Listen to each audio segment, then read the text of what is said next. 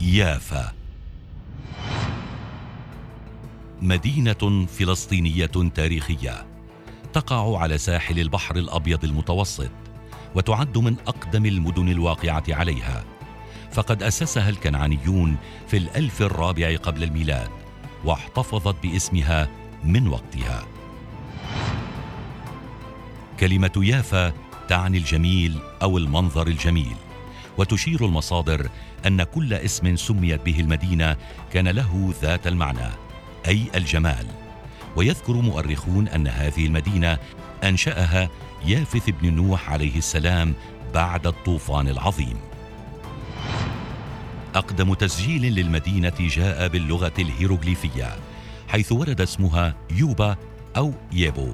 وتكرر الاسم في العديد من البرديات الفرعونية القديمة وجميعها تقريبا كانت تشيد بجمال المدينة. في العام 1950 ضمت بلدية تل أبيب المدينة إلى سلطتها وهجرت سكانها وعملت على تهويد المنطقة حتى إنها عملت على تغيير النمط المعماري للمنطقة. فالمدينة مسكونة منذ العصر البرونزي وهي كنعانية الأصل.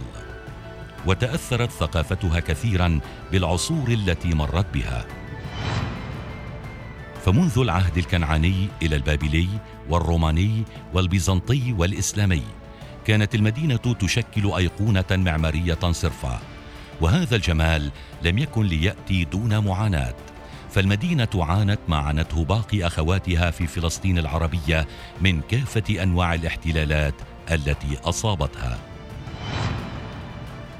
كانت يافا تعتبر قلب فلسطين الاقتصادي. فمنذ بدايات القرن التاسع عشر تطورت المدينة اقتصاديا فكانت أحد أهم مصادر الحمضيات في العالم العربي.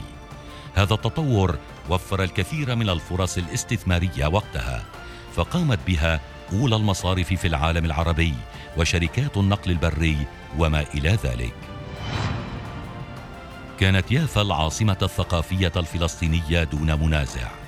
حيث كانت تحتوي على أهم الصحف اليومية الفلسطينية إلى جانب الكثير من دور النشر والطباعة. حتى إن الإنجليز أبان احتلالهم للمنطقة نقلوا إذاعة الشرق الأدنى إلى يافا.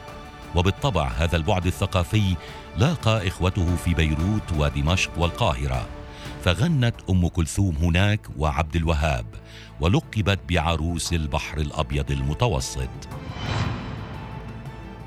عند اندلاع حرب 1948 شهدت مدينتي يافا وتل أبيب معارك عنيفة بين سكانهما.